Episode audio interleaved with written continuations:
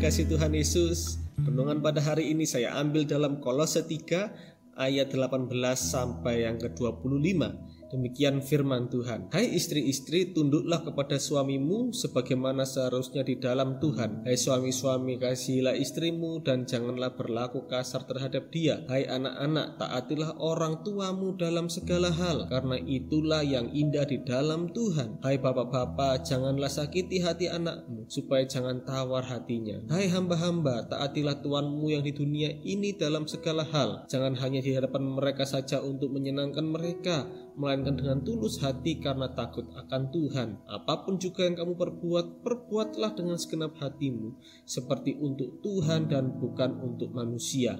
Kamu tahu bahwa dari Tuhanlah kamu akan menerima bagian yang ditentukan bagimu sebagai upah. Kristus adalah Tuhan dan kamu hambanya. Barang siapa berbuat kesalahan, ia akan menanggung kesalahannya itu karena Tuhan tidak memandang orang. Amin. Judul renungan pada hari ini yaitu anak-anak taati orang tuamu. Ya, memang adalah keharusan seorang anak untuk taat dan patuh kepada orang tuanya. Sebegitu pentingnya menghormati orang tua sehingga Tuhan memasukkan perintah ini sebagai bagian dari 10 hukum Taurat. Dalam Ulangan 5 ayat ke-16 dikatakan Hormatilah ayahmu dan ibumu seperti yang diperintahkan kepadamu oleh Tuhan Allahmu supaya lanjut umurmu dan baik keadaanmu di tanah yang diberikan Tuhan Allah kepadamu. Jadi, hormat dan taat kepada orang tua adalah perintah yang tidak boleh diremehkan atau diabaikan. Dalam Kolose 3 ayat 24 tadi berkata bahwa kamu tahu bahwa dari Tuhanlah kamu akan menerima bagian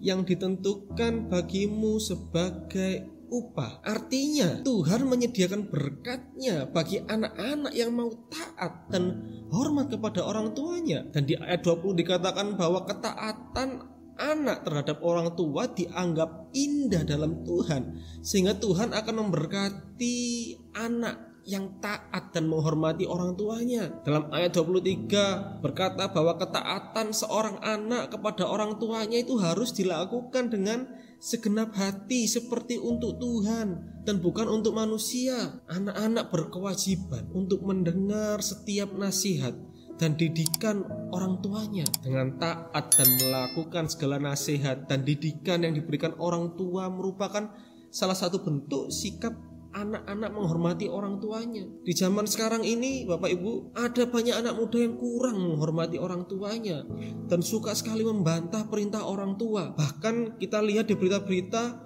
bahwa anak memenjarakan orang tuanya yang sudah sepuh, sudah tua. Bahkan ada yang lebih ekstrim lagi sampai membunuh orang tuanya. Padahal ketaatan kepada orang tua itu akan melatih dan membentuk kita untuk bisa taat kepada Tuhan. Dan Alkitab mengatakan anak-anak yang menghormati orang tuanya akan berbahagia dan panjang umurnya di bumi ini. Anak-anak yang ingin melihat masa depan yang diberkati Tuhan, maka ia harus menjadi anak yang menghormati orang tuanya, taat dan menerima setiap nasihat dan didikan dari orang tuanya. Saya tutup dengan Efesus 6 ayat 1 sampai 3. Hai anak-anak, taatilah orang tuamu di dalam Tuhan, karena haruslah demikian.